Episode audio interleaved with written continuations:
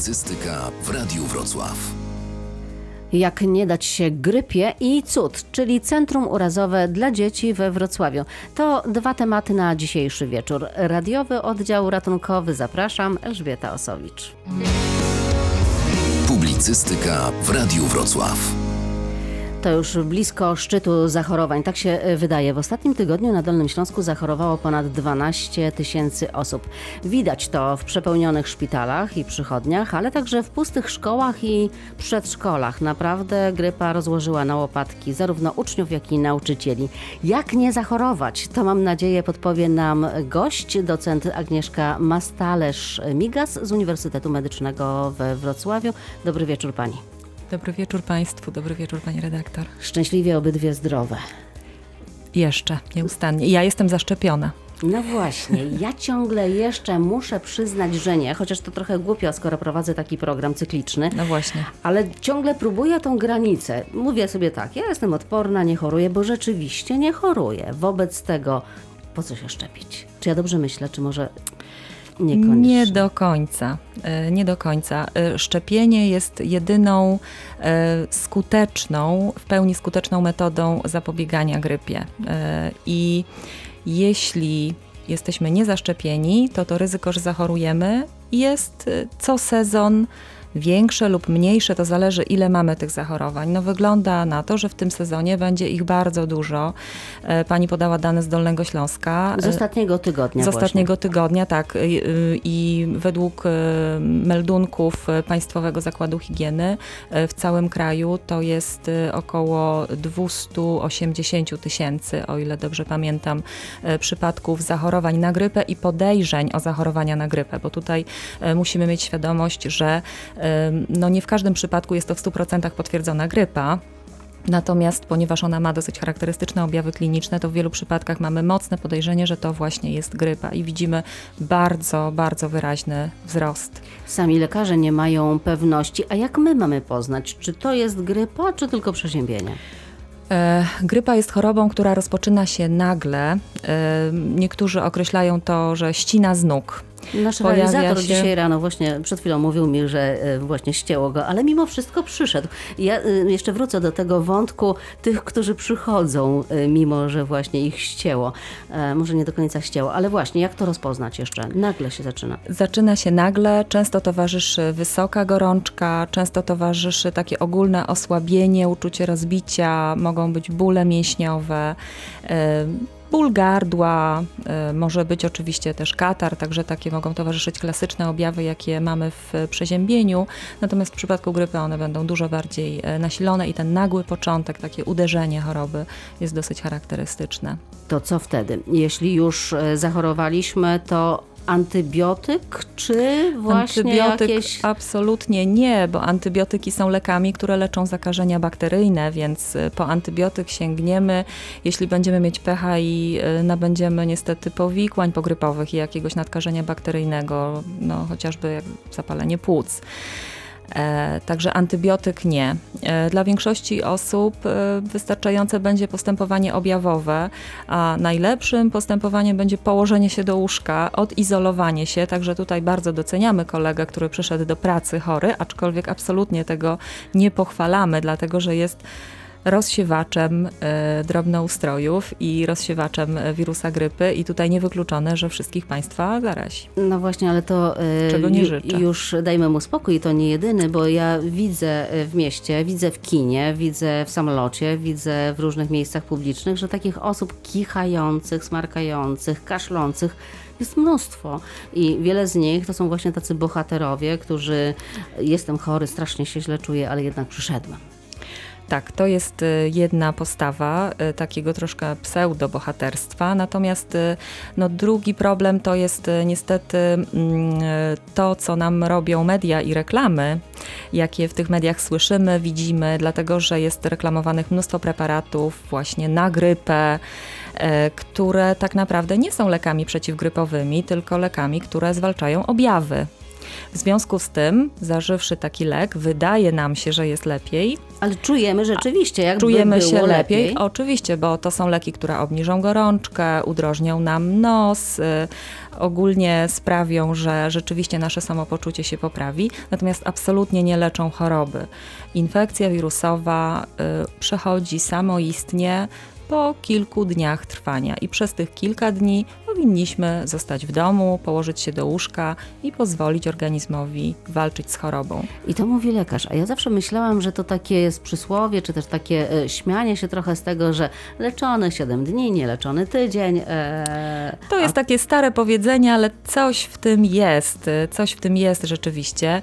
E, oczywiście ja nie chcę tutaj też e, upraszczać e, i tak bardzo spłycać e, problemu grypy, dlatego że oczywiście są grupy pacjentów obarczonych większym ryzykiem ciężkiego przebiegu grypy i powikłań i u takich osób możemy sięgnąć przy dużym podejrzeniu grypy po lek hamujący namnażanie wirusa grypy, ale nie powinien być to lek nadużywany i stosowany u każdego, e, tylko w sytuacjach, które uznamy ym, za konieczne. Tam, ale to jest na receptę.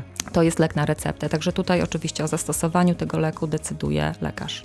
Dobrze, to zanim jeszcze tak się rozłożyliśmy, że ścięło nas rzeczywiście z nóg, to na ile em, możemy sobie pomóc, czy też nie zachorować takimi babcinnymi sposobami domowymi, że będę piła, zresztą tu panią skusiłam na herbatę z cytryną właśnie, więc e, to może pomóc, czy to tak tylko sobie poprawiamy samopoczucie? Powiem tak, układ immunologiczny człowieka jest bardzo złożony y, i trudno jest wyselekcjonować takie pojedyncze czynniki, które na ten układ immunologiczny wpływają. E, Wpływa tu wiele czynników, nasz styl życia, e, to ile śpimy, czy bardzo mamy stresujący ten tryb życia, jaką mamy dietę i na ile ona jest zróżnicowana i dostarcza nam różnych mikroelementów, które są potrzebne dla prawidłowego funkcjonowania organizmu. Więc tutaj trudno się wypowiadać na temat jednej metody. Takiej, która, kiedy jeszcze jesteśmy zdrowi, y, zapobiegnie chorobie. Myślę, że trudno byłoby jedną taką metodę wskazać. No ale tak, pijemy mleko z miodem, czosnkiem. To już kiedy jesteśmy chorzy, tak? To tutaj oczywiście to może pomóc, aczkolwiek to są takie babcine metody, które jak najbardziej ja jestem zwolennikiem takich, takiego naturalnego wspomagania y, się. E, Natomiast no, jeśli przebieg jest ciężki, to nie zawsze to są metody, które nas wyleczą. Natomiast w wielu przypadkach przy y, łagodniejszym przebiegu takie metody wystarczą i bardzo ważna będzie izolacja, odpoczynek.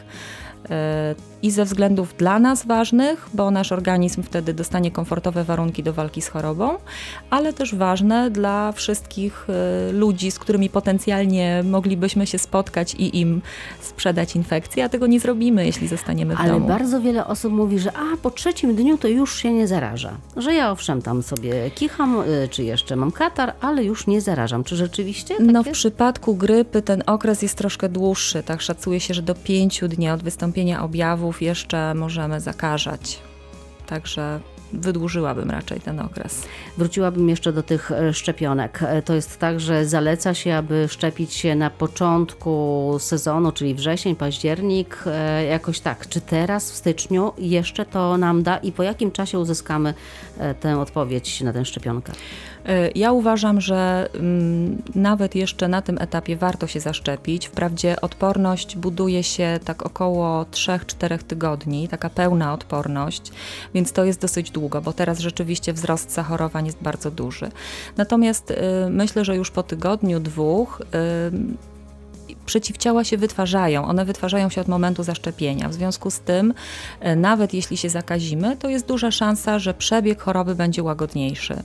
Więc e, oczywiście jest późno, ale myślę, że jeszcze nie za późno, żeby poddać się szczepieniu. Zachęcamy do szczepień na początku sezonu, dlatego że grypa zdarza się już i w październiku, i w listopadzie. Jest jej oczywiście dużo mniej, ale się zdarza. Więc ktoś, kto jest zaszczepiony właśnie jeszcze przed sezonem, no, jest zabezpieczony. Ktoś, kto szczepi się tak na ostatnią chwilę, no to swoje ryzyko, że jednak zanim wytworzy pełną odporność, e, zachoruje na grypę, no oczywiście ono jakieś istnieje.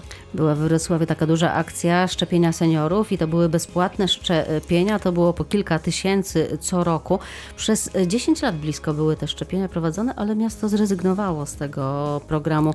E, pani widzi w przechodni, czy seniorzy szczepią się nadal, czy na przykład też mniej w związku z tym? E, więc muszę powiedzieć, że e, rzeczywiście w tym roku, nie wiem czy w ogóle miasto zrezygnowało, czy znacznie zmniejszyło pulę szczepień, tutaj nie umiem odpowiedzieć na to pytanie, natomiast e, moja przychodnia, którą prowadzę wraz z koleżanką, otrzymała w ramach ogólnopolskiego programu zwalczania grypy pulę bezpłatnych szczepień dla mm, pacjentów, nie tylko naszych, ale osób, które się zgłoszą. To zresztą Państwo również promowali te tak, akcje. Tak, właśnie. Przyszli ludzie? Tak, wyszczepiliśmy wszystko w kilka godzin. Mieliśmy pulę, mm, o ile dobrze pamiętam, y, chyba 250 albo 300 szczepionek y, i większość osób, które się zgłosiły, to były właśnie osoby starsze, które co roku się szczepiły, korzystając y, ze szczepień finansowanych przez miasto, ale w tym roku po prostu no, nie udało im się otrzymać tej bezpłatnej szczepionki i te osoby, które dowiedziały się z mediów, że taka akcja będzie, zgłosiły się. Także wyszczepiło się wszystko w bardzo krótkim czasie czasie. A jednak mimo wszystko tych zachorowań rzeczywiście jest dużo i jak e, rozmawiam z sanepidem i sprawdzam co tydzień, tydzień do tygodnia tę liczbę zachorowań, to ten skok z ostatniego tygodnia był taki bardzo, bardzo tak. znaczący, bo było 7 tysięcy, nagle zrobiło się 12,5. No i rzeczywiście widać to wszystko w e, szpitalach. E, zajrzyjmy do jednego z nich. Rozmawiałam z dyrektorem szpitala przy ulicy Koszarowej, z dyrektorem Januszem Jerzakiem. Jak tam wygląda sytuacja? Pacjentów jest coraz więcej, szpital jest pełny, jest wielu pacjentów na dostawkach. Dla porównania liczby pacjentów, i to jest, są konkretne, twarde dane, w ciągu 10 dni, tam w zeszłym roku przyjęto 546 pacjentów, w ciągu tych 10 dni. W ciągu 10 dni tego roku 645 czyli o 100 pacjentów więcej, którzy zgłaszają się do szpitala. Ja nie mówię o poradniach, do szpitala. Istotna część tych pacjentów była również przewożona karetkami, czyli w stanie ciężkim zagrożenia życia. Macie miejsce jeszcze na planowych pacjentów? Już absolutnie nie ma takich miejsc. Nie jesteśmy w stanie, dla przykładu, neurologia, stan na dzisiaj ma 35 łóżek y, oddział, liczyć y, oddział, jest 43 pacjentów. Nie ma gdzie. Panie dyrektorze, ale z czego to wynika, jak pan myśli? Trudno mi, trudno mi teraz powiedzieć. No taki okres akurat, może ciężki, wzrasta zachorowalność, no, jesteśmy coraz starsi, pobyty często się wydłużają, coraz więcej starszych ludzi, mamy problemu z y, tych ludzi po zakończeniu procesu terapeutycznego wysyłania ich do domu. Rodziny bardzo często zwlekają z odbiorem starych ludzi. To powoduje, że te miejsca są zajęte po neurologii problemy z rehabilitacją e, pacjentów e, poudarowych, czekają dłużej, zanim znajdziemy czy znajdą miejsce na kontynuację leczenia i rehabilitacji. I to powoduje, że dla nowych pacjentów też jest ograniczona liczba miejsc. No i właśnie nie lepiej jest w Dolnośląskim Centrum Chorób Płuc przy Grabiszyńskiej we Wrocławiu. O tym, jak tam wygląda sytuacja, mówi zastępca dyrektora do spraw medycznych Małgorzata Stasiewicz. Już od dłuższego czasu y, obserwujemy wzmożony napływ pacjentów do szpitala. Przede wszystkim pierwszych dniach stycznia ilość pacjentów zgłaszających się na naszą izbę przyjęć pulmonologiczną uległa y, zdecydowanemu zwiększeniu. O ile więcej? No, w tej chwili konsultujemy 2,5 razy więcej pacjentów y, niż w normalnych takich przeciętnych okresach. Przede wszystkim są to zaostrzenia przewlekłej obturacyjnej choroby tkanki płucnej, są to zapalenia płuc, czyli są to takie choroby infekcyjne układu oddechowego. Czyli nie wszystko grypa, tak? Nie, tak jak powiedziałam, no, u wielu dopiero pierwsze przypadki potwierdzonej grypy to są ostatnie dni. Pani dyrektor, dwa i pół razy więcej pacjentów. Czy może mieć wpływ smog na to? To znaczy na pewno y, duża grupa tych naszych pacjentów to są pacjenci chorujący przewlekle i wszelkiego rodzaju problemy, nawet spadki ciśnienia, już nie mówiąc o tym, że no, zanieczyszczone powietrze mogą mieć wpływ, bo to są pacjenci, którzy balansują na bardzo takiej e, wąskiej linii i jakikolwiek element dodatkowy jak gdyby wytrąca ich z tej równowagi i powoduje, że choroba przewlekła, która no, skutkuje brakiem możliwości kompensacji, tak jak w przypadku ludzi no, zdrowych ogólnie, no po prostu y, powoduje wystąpienie tych dolegliwości. Więc nie można na pewno wykluczyć, że, jest, y, że przyczyną y, w wielu wypadkach zachorowań był smog, no ale nie są to, nie są to jedyne, znaczy trudno jest wszystko zrzucić na smog. Pamiętajmy o tym, że z reguły pulmonologii, nasilenie zachorowań, tych infekcyjnych zachorowań, to jest właśnie okres jesienno-zimowy.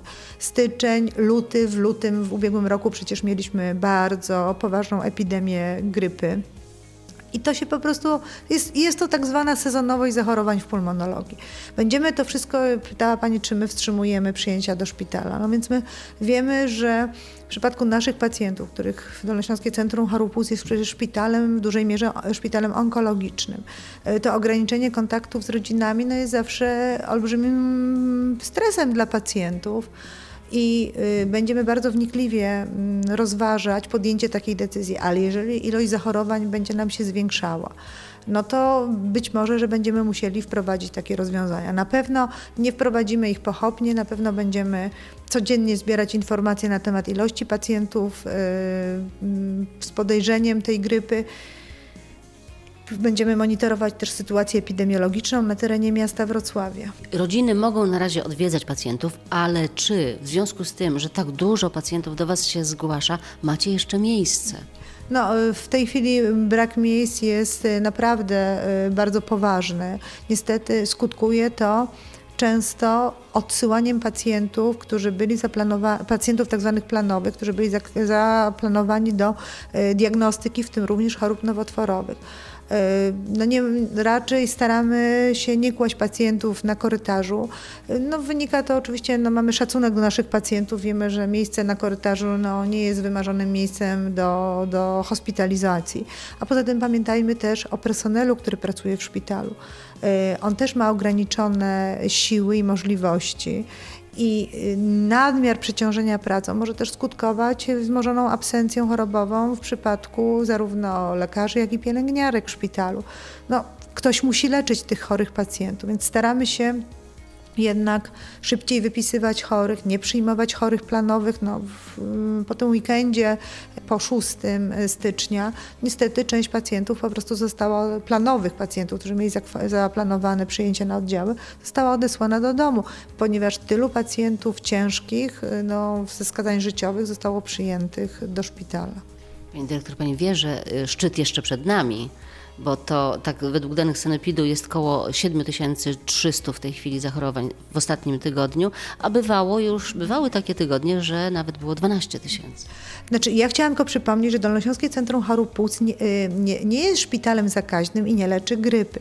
My jesteśmy szpitalem, który tak naprawdę powinien leczyć ewentualne powikłania grypy, czyli wystąpienia czy zapaleń płuc, czy, czy jakichś ciężkich y, bakteryjnych potem pneumonii u pacjentów. Jeżeli pacjent ma typowe objawy grypy, to proszę pamiętać o tym, że to nie jest wskazanie do zgłoszenia się na szpitalną izbę przyjęć, to jest wskazanie, żeby zgłosić się do swojego lekarza pierwszego kontaktu, żeby pozostać w domu, żeby leczyć się y, w warunkach domowych. Natomiast oczywiście istnieje pewna grupa pacjentów, tak tak, o której mówiłam, że to są pacjenci już z przewlekłymi schorzeniami, u których ta grypa może doprowadzić do wystąpienia niewydolności, na przykład oddechowej, no to ta wąska grupa pacjentów y, na pewno będzie wymagała hospitalizacji. Natomiast izby, szpitalne izby przyjęć nie są miejscem, w którym uzyskuje się pomoc w przypadku pacjenta, u którego wystąpiły typowe dolegliwości y, grypowe. I tutaj należy pamiętać, że trzeba się zgłosić z tym problemem do swojego lekarza pierwszego kontaktu. Wy macie już pełno, Borowska ma już pełno, Koszarowa ma już pełno. Naprawdę jest ciężko z miejscami. Widzi Pani to? No oczywiście my widzimy problem e, braku miejsc, przede wszystkim na oddziałach internistycznych, e, w szczycie zachorowań, e, tutaj właśnie w sezonie jesienno-zimowym, w zasadzie co roku. Zawsze musimy sobie z tym problemem jakoś poradzić. Jest ciężko, wszyscy narzekają, prawda? Narzekają pacjenci na przepełnienie, narzeka personel też na, na bardzo dużo obowiązków, no ale ta sytuacja w zasadzie powtarza się co roku. No, trzeba, trzeba doczekać, trzeba przeczekać do wiosny. W Waszym szpitalu też jest ten problem, że rodziny często nie chcą odbierać pacjentów długo leżących, którzy już nie musieliby ewentualnie leżeć? To jest bardzo istotny problem właśnie braku e, niechęci rodzin do odbierania ciężko chorych pacjentów. Pamiętajmy, że nasze społeczeństwo jest coraz starsze. Pacjenci, którzy trafiają zwłaszcza na nasz oddział internistyczny, to jest średnia powyżej 75 lat. To są pacjenci, którzy już przy przyjęciu mają około 10 różnych rozpoznań. I problem jest taki, że ci pacjenci nawet y, y, przeprowadzonej terapii w szpitalu, oni nigdy nie będą w formie no, wspaniałej. Oni na pewno z naszego punktu widzenia nie będą wymagali już hospitalizacji szpitalnej, bo wręcz przeciwnie, ta hospitalizacja szpitalna może doprowadzić do pogorszenia ich stanu, przede wszystkim stanu psychicznego. I tu niestety spotykamy się z olbrzymim oporem w wielu wypadkach. Chorodzina nie chce, bo też często tak naprawdę nie wie, jak sobie poradzić z tym chorym. Miejsc przewlekłej opieki jest niewiele. Są bardzo długie okresy oczekiwania i my też często rozumiemy no, problem tej rodziny, bo ona po prostu w zetknięciu się no, z problemem dotyczącym opieki tych chorych no, jakoś sobie nie radzi. Nieodbieranie chorych to kolejny poważny problem, ale trochę już na inny program pewnie jeszcze nie raz będziemy o tym rozmawiali. A teraz wracamy jeszcze do rozmowy z naszym gościem, docent Agnieszka Mastale-Szmigas. E, pani dzisiaj przyjmowała też e, cały dzień. Jak to tak. wyglądało? No jest bardzo dużo pacjentów w przychodni, dużo, dużo więcej niż zazwyczaj. Większość to są osoby z infekcjami, e, dużo dzieci też chorych, także no widzimy to, co pani redaktor podała w danych e, statystycznych, my to widzimy w realu. Ale na te 12 tysięcy osób, które zachorowało w minionym tygodniu, tylko 40 trafiło do szpitala, czyli to jeszcze też nie jest aż tak bardzo dużo, wydaje się, chociaż szpitale już są pełne. Tak, no tutaj pamiętajmy, że ryzyko hospitalizacji jest największe zdecydowanie dla osób po 65 roku życia. Ono jest kilkanaście razy większe niż dla młodego dorosłego, który zachoruje, więc tutaj y, jak najbardziej są to osoby najbardziej narażone na ryzyko powikłań, przede wszystkim zapalenia płuc, zaostrzenie choroby podstawowej, choroby przewlekłej, czyli jeśli ktoś ma chorobę układu krążenia, czy astmę, czy POHP, to ma dużo większe ryzyko, że będzie to ciężki przebieg, który może się skończyć pobytem w szpitalu. W tym tygodniu, w zeszłym tygodniu właściwie mówiliśmy, bo w tym tygodniu już wrócili, w zeszłym tygodniu mówiliśmy o jednej ze szkół na Dolnym Śląsku, w Jaworzynie Śląskiej. Była taka sytuacja, że na 350 uczniów 270 zachorowało i nie przyszło do szkoły. Nie lepiej było z lekarzy, z nauczycielami, ponieważ 70% nauczycieli też się rozchorowało, więc e, rzeczywiście w takiej sytuacji chyba najlepiej zamknąć po prostu. No, myślę, że tak, bo to już względy praktyczne decydują, natomiast no, to potwierdza, jak bardzo zakaźna jest grypa, jak szybko się przenosi i jak łatwo wywołać takie właśnie lokalne epidemie. To ja znam wiele takich opowieści, gdzie cała firma prawie legła pokotem, kiedy ktoś przyniósł infekcję i tak jak tutaj siedzimy przy stole, po prostu w odległości kilku metrów siedząc, bardzo łatwo się zakazić, jeśli druga osoba kaszle czy kicha, to wydziela bardzo duże ilości y, drobnoustrojów y, z dużą szybkością, które łatwo są aspirowane przez osobę jeszcze zdrową. Słyszałam, że jednym kichnięciem można zarazić 20 osób e, w koło, na przykład w kinie będąc. Więc do kina nie chodzimy teraz, ale jeszcze um, chciałam zapytać Panią o te um, decyzje o e, zakazach odwiedzin w szpitalach. We Wrocławiu takie zakazy wprowadzone w kilku szpitalach. Na Kamieńskiego, y, tam ten szpital jako pierwszy wprowadził taką, taki zakaz i nie można odwiedzać bliskich. Na na Borowskiej, na Wajgla, e, przy Koszarowej tylko jeden rodzic e, jest i od jutra też zakaz będzie na hematologii i e, w szpitalu przy ulicy Chałubińskiego we Wrocławiu, tam na klinikach. Co Pani myśli o tym? Czy to rzeczywiście może troszkę ograniczyć te, to rozsiewanie się tej choroby? Myślę, że to zmniejsza ryzyko, no mówiąc już tak bardzo kolokwialnie, przyniesienia wirusa na oddział przez osobę z zewnątrz, bo jeśli już choroba pojawia się na oddziale, to na pewno rozprzestrzenia się bardzo szybko e, i łatwo, a atakuje osoby, które znajdują się tam, już są chore, znajdują się z innej przyczyny. I także, są osłabione. Tak, i są, i są przez to osłabione, także myślę, że decyzja słuszna. Więc trochę nie ma co się teraz pieklić tam przy tych drzwiach, jak się widzi tą kartkę nie wchodzić, to w sytuacjach, kiedy rzeczywiście nie jest to niezbędnie konieczne, to lepiej nie wchodzić.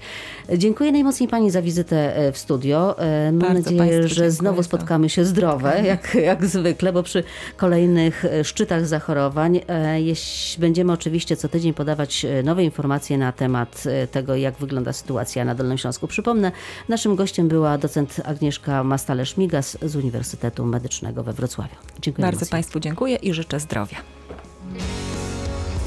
Publicystyka w Radiu Wrocław. A my zmieniamy już e, temat. E, CUD, czyli Centrum Urazowe dla Dzieci. Od początku roku miały działać te cuda w całym kraju. Na Dolnym Śląsku rolę takiego ośrodka miał pełnić Szpital Wojewódzki imienia Marciniaka przy Fieldorfa. I naszym gościem jest już profesor Jan Godziński. Dobry wieczór, panie profesorze. Dobry wieczór pani redaktor, dobry wieczór państwu. Pamięta pan, rozmawialiśmy o cudzie w wakacje ubiegłego roku. To był sierpień, zdaje się.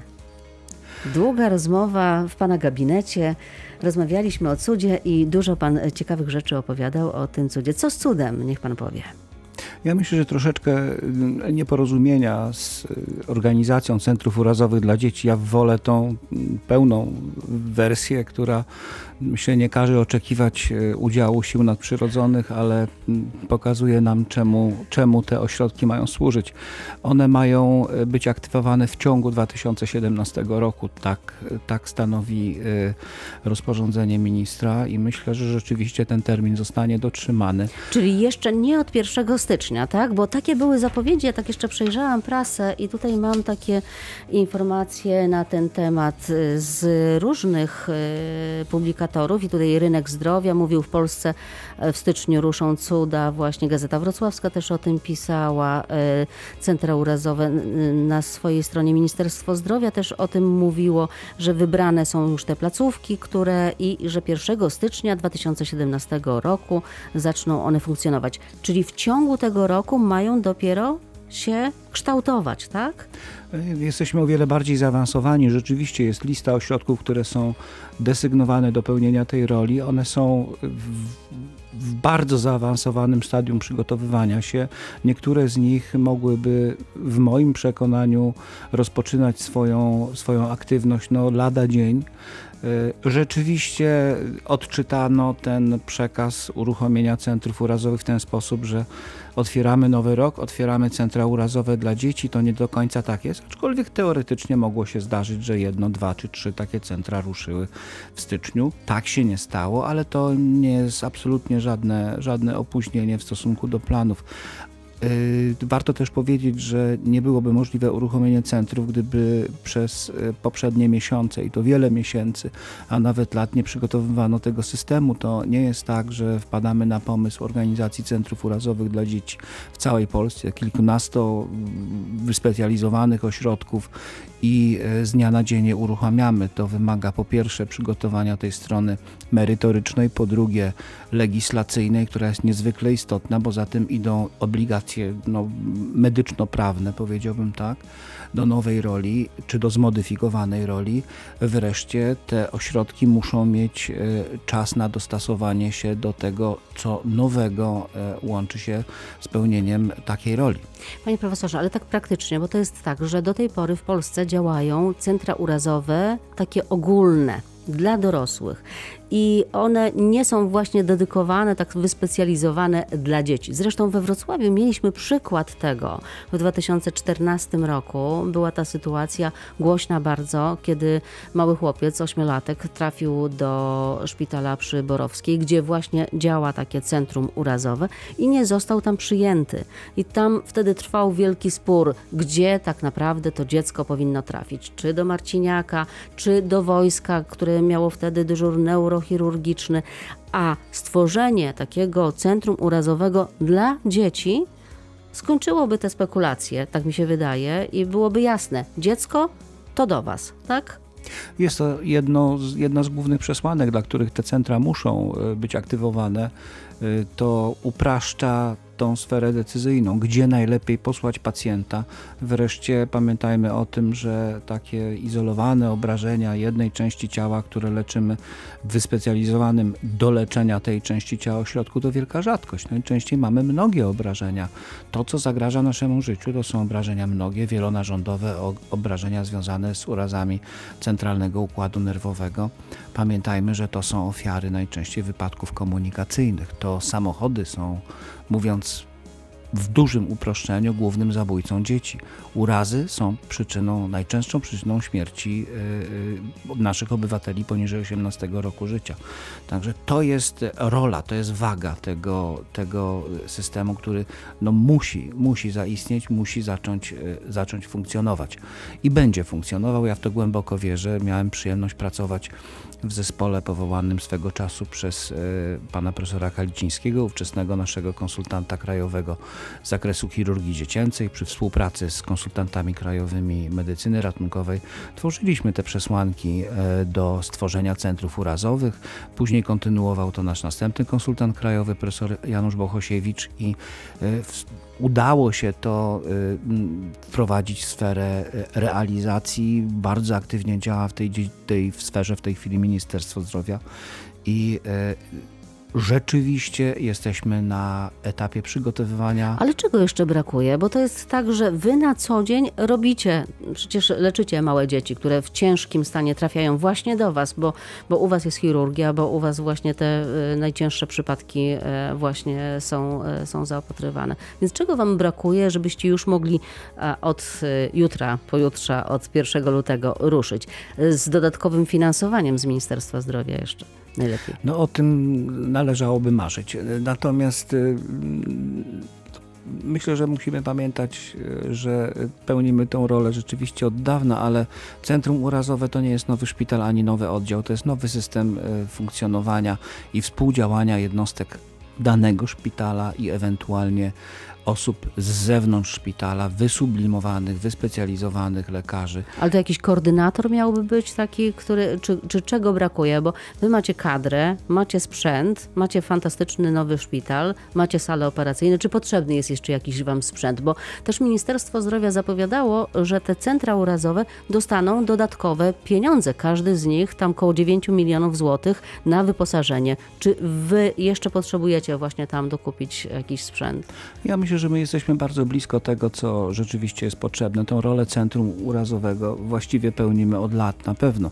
E, niemniej jednak obligacja związana z rozporządzeniem, ciągle wracam do tych aktów prawnych, dlatego, bo one wymuszają jednak pewne systemy organizacyjne i pewne zabezpieczenia.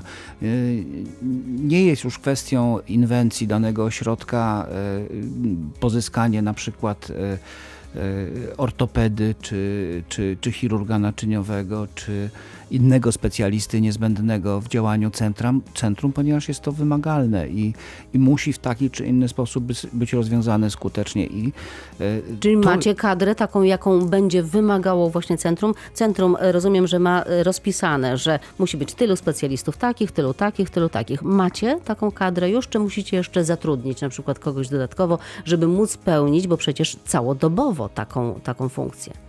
To jest bardzo drogie zagadnienie, y, dlatego, bo mm, pamiętajmy, że te mm, kwalifikacje pacjentów do centrum urazowego y, dziecięcego y, są dość szczególne. To są rzeczywiście pacjenci o bardzo poważnych obrażeniach, a ich tak naprawdę nie ma bardzo wielu. Skoro nie ma ich bardzo wielu, to duża grupa specjalistów pozostaje, no nie mówmy bezczynnie, ale w oczekiwaniu na pacjenta. Jaka jest wartość tego oczekiwania? No, życie ludzkie nie ma ceny. Wartość jest ogromna, ale z drugiej strony publicznych pieniędzy wydawać pochopnie nie można. No właśnie, teraz nie można trzymać 12 e, specjalistów pod parą 24 godziny na dobę, bo być może coś się zdarzy, tak? E, Dokładnie tak, dlatego trzeba to zorganizować w sposób pragmatyczny i w sposób e, uzasadniony ekonomicznie, ale taki, żeby specjalista, który potencjalnie rzadko będzie nam potrzebny, był dostępny, ale nie musiał być cały czas na dyżurze opłacany. Czyli pod telefonem na przykład? Na przykład dyżur pod telefonem z wymagalnością stawienia się w określonym czasie. Ten czas to nie jest rzecz administracyjna, tylko czas, który z praktyki lekarskiej i również z rozporządzenia dla części tych specjalistów wynika, że w tym czasie powinny się oni stawić do, do, do pomocy zespołowi tak zwanemu trauma teamowi, czyli zespołowi urazowemu, który w każdym takim szpitalu, który chce być centrum urazowym, czy został wybrany, do, bo jest cała lista tych centrów, kilkunastu w, 12, w Polsce, tak? 12 no, nie, na różnych etapach przygotowania. Tych wszystkich jednostkach taki system specjalistów, którzy rzadko są potrzebni, ale wówczas są niezbędni, e, dyżurujących pod telefonem też jest zorganizowany. My, myślę, mamy niemalże wszystko dopięte w tej chwili. E, Jak to będzie działało w praktyce, zobaczymy e, w praktyce Centrum Urazowego, ale działa na co dzień bardzo dobrze. Ja przypomnę, że jesteśmy tak zwanym szpitalem pierwszego wyboru dla ogromnej części terytorium Dolnego Śląska, jeżeli chodzi o dzieci i wszelkie problemy chirurgiczne dzieci, a to niewiele się różni. To niewiele się różni, natomiast oczywiście centra urazowe skupiają się nie na przypadkach standardowych, tylko na przypadkach ponadstandardowych, na leczeniu tych pacjentów, których nawet najzdolniejszy samotny specjalista z niewielkim wsparciem nie będzie w stanie uratować nad tymi, którym w tym samym czasie potrzebny jest neurochirurg, ortopeda i chirurg dziecięcy, bo obrażenia dotyczą i kości, i centralnego układu nerwowego, mózgu i na przykład narządów wewnętrznych. Taki pacjent ma szansę w centrum urazowym dla dzieci, ale może nie mieć szansy nawet w bardzo dobrym oddziale chirurgii dziecięcej gdzie indziej. Dobrze, panie profesorze, to taki, e, takie centrum e, urazowe dla dzieci, jak już e, będzie opisane i ruszy, to jaki musi mieć zespół, jaką kadrę, iloosobową, żeby spełniać te wszystkie warunki, które one są już określone, czy jeszcze się tworzą? One są określone. No One to- są to określone. Jaka musi być ta ekipa? Y, Liczebność tej ekipy y, nie jest, y, że tak powiem, trudna do, do, do, do spełnienia. Musi być koordynator takiego, takiego zespołu, czyli kierownik trauma teamu, którym zwykle staje się chirurg dziecięcy lub lekarz medycyny ratunkowej, ale najczęściej chirurg dziecięcy. E, Musi być co najmniej dwóch specjalistów, muszą być y, z zakresu chirurgii dziecięcej, ale to w większości ośrodków, które pretendują do roli centrów urazowych jest przekroczone to kryterium, bo naprawdę potrzeba więcej. Muszą być specjaliści wspomagający z zakresu neurochirurgii obligatoryjnie, ortopedii. E, Musimy mieć e, możliwość e, wsparcia ze strony chirurga szczękowego, chirurga naczyniowego. To są takie kluczowe, kluczowe dziedziny, w których ta pomoc musi być. Pomoc sprzętowa i taka sprzętowo-ludzka, czyli dostęp do miejsc, w których możemy prowadzić intensywną terapię. E, Dyspozycyjność sal operacyjnych, to znaczy nie może być sytuacja, w której my nie mamy wolnej sali operacyjnej. Te wszystkie rzeczy wymagają pewnego przeorganizowania pracy, ale to zostało w zasadzie przygotowane i to nie jest problem, który by hamował zadziałanie takiego centrum urazowego. E, Nie są te liczby, o które pani redaktor pyta, to nie to, że ja nie chcę odpowiedzieć. One są określone w rozporządzeniu i e, one nie są takim czynnikiem wiążącym ręce. E, Rzeczywiście pozostaje kwestia tego, że większość tych ośrodków pełni poza tym swoją normalną rolę. Leczy normalnie przeciętne, po, przeciętnie poważne złamania, urazy, Tak, obrażenia, tak, ale to jest zapalenia e, wyrostka. kilku specjalistów na To jest dyżurze? kilku specjalistów na dyżurze. To nie jest jeden człowiek, który jest e, w momencie, w którym przywożony jest pacjent, który spełnia kryterium centrum urazowego, czyli pacjent w ciężkim stanie, z obrażeniami wielu narządów, to nie jest jedyna osoba na dyżurze. Absolutnie. To, to jest przede wszystkim człowiek, który ma zorganizować tą pracę, który ma zdecydować, jakim trybem to leczenie ma pójść, który ma zdecydować, czy to jest pacjent w ogóle dla chirurga dziecięcego, a może to jest pacjent dla ortopedy i neurochirurga. I ci wszyscy specjaliści muszą być na miejscu. I oni są. O sprzęcie kilka słów jeszcze, bo mówi pan, że szpital jest bardzo dobrze wyposażony. To zresztą jest nowy szpital, który bardzo dużo nowego sprzętu e, właśnie ma, najnowocześniejszego, ale możecie wykorzystać tutaj te pieniądze z Ministerstwa e, Zdro- Zdrowia, e, więc jeśli już, to na co wydacie i ile? Co do grosza nie powiem.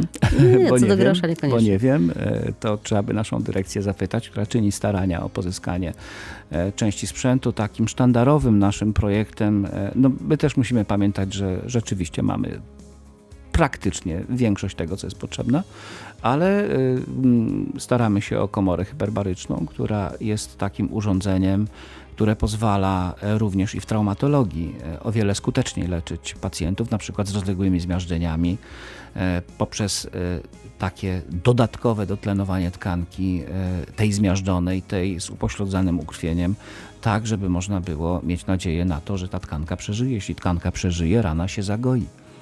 Kiedy Centrum Urazowe dla Dzieci we Wrocławiu już oficjalnie rzeczywiście ruszy? To jest y, określone również przepisami. E, powołania takiego centrum dokonuje wojewoda. E, myślę, że będziemy mieli szansę nadchodzących miesiącach rzeczywiście aktywować nasze centrum. Dokładnej daty nie ośmielę się powiedzieć, natomiast oddział jest oddział, szpital jest y, w zasadzie bliski gotowości i. Y, Ale tu... przed wakacjami może to się zdarzyć jeszcze? Może się. Myślę, z mojego punktu widzenia, myślę, że może się to zdarzyć przed wakacjami. Y, pamiętajmy jeszcze, że szereg działań czyni w tej chwili ministerstwo. To są takie działania, powiedziałbym, organizacyjno-dostosowawcze w stosunku do różnych ośrodków gdzie raz na miesiąc czy półtora miesiąca spotykamy się w gronie e, desygnowanych z tych ośrodków pretendujących do roli centrum urazowego w gronie tych ludzi i, i staramy się dograć już rzeczywiste szczegóły.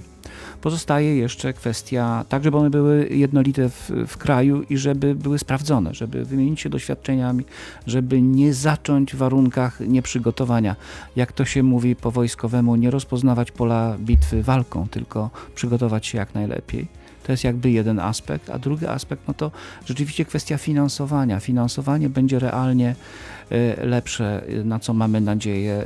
E, dotychczas e, pacjent z obrażeniami wielonarządowymi mógł być, jeżeli chodzi o tą grupę wiekową dzieci, rozliczany, e, mówiąc kolokwialnie, z tej najdroższej procedury, którą wykonano.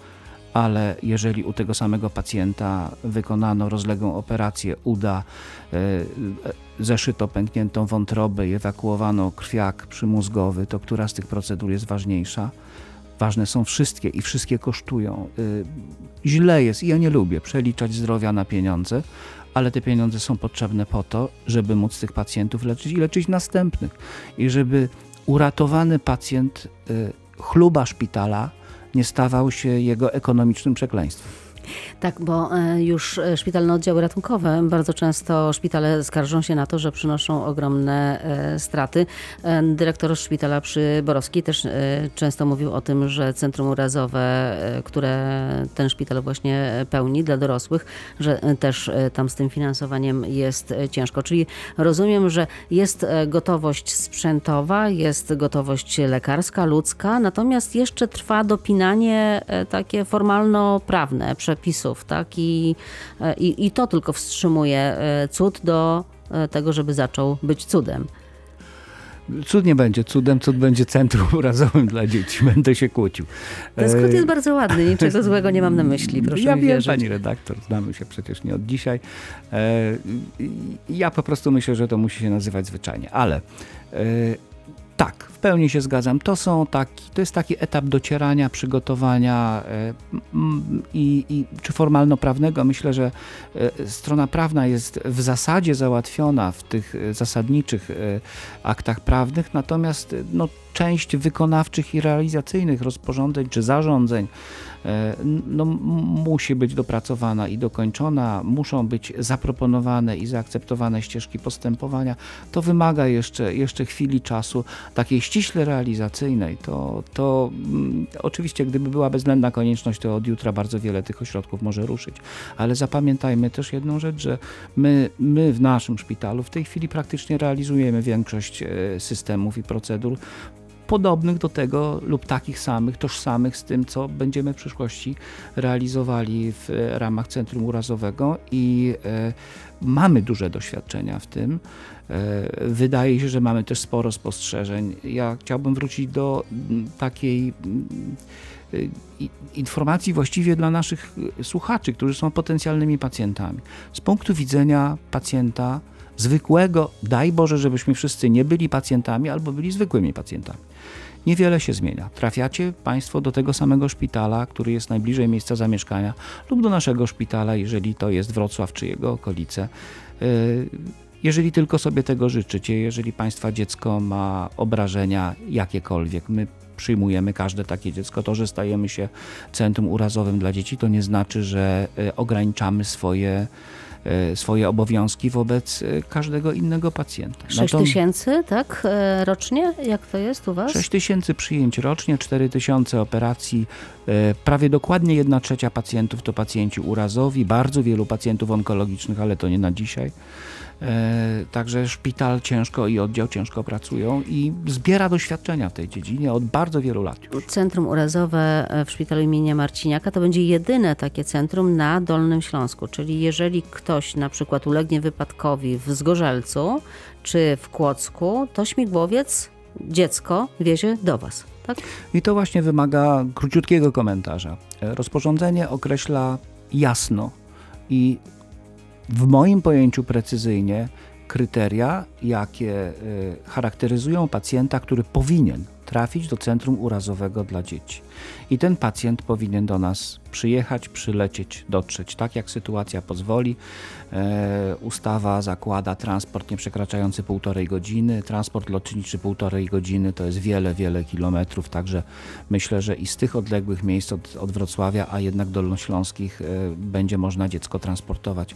Druga rzecz, e, troszkę się obawiamy złego zrozumienia roli centrum to naprawdę nie o to chodzi, żeby dziecko z każdym urazem podróżowało 150 km albo 80 km po to, żeby być zaopatrzone z powodu zwykłego, pojedynczego obrażenia. Ja nie chcę mówić prostego.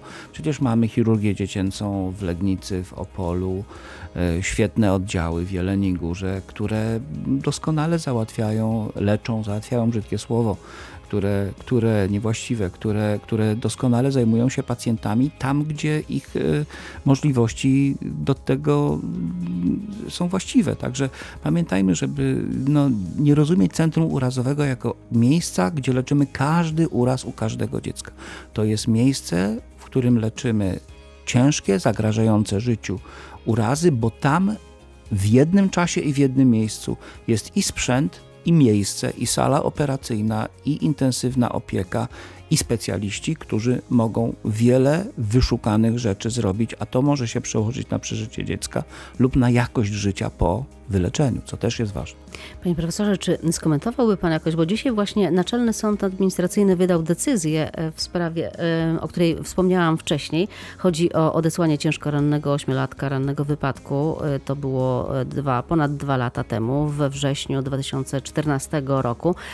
Sąd uznał, że to było niezgodne z, prawą, z prawem. Oddalił tym samym skargę kasacyjną Uniwersyteckiego Szpitala Klinicznego we Wrocławiu, który odwołał się od decyzji rzecznika Rzecznika Praw e, Pacjenta. Ja przypomnę tylko, że zdaniem rzecznika szpital wtedy, odsyłając to dziecko, naruszył zbiorowe prawa pacjentów, odmawiając pomocy w sytuacji zagrożenia życia. I szpital wtedy, przypomnę, y, tłumaczył się, że tego feralnego dnia y, nie miał dyżuru neurochirurgicznego i dlatego właśnie odesłał tego chłopca do innej y, placówki. Te argumenty nie przekonywały Rzecznika Praw Pacjenta, który uznał, że przez niezapewnienie właściwej obsady lekarskiej narażał zdrowie i życie pacjentów. I Naczelny Sąd Administracyjny poparł te argumenty. Sąd zaznaczył też, że trudności organizacyjne, w tym brak lekarzy, nie może usprawiedliwiać szpitala, który nie udzielił pomocy pacjentowi w stanie zagrażającym jego życiu. Pamięta pan, to była bardzo głośna sprawa, o tym się dużo mówiło wtedy. E, czy właśnie to, że to centrum urazowe dla dzieci powstanie, to rzeczywiście taka sytuacja już się nie zdarzy, że to dziecko, e, które przyleci śmigłowcem, nie zostanie odsyłane. Czy gdyby wtedy było takie centrum urazowe?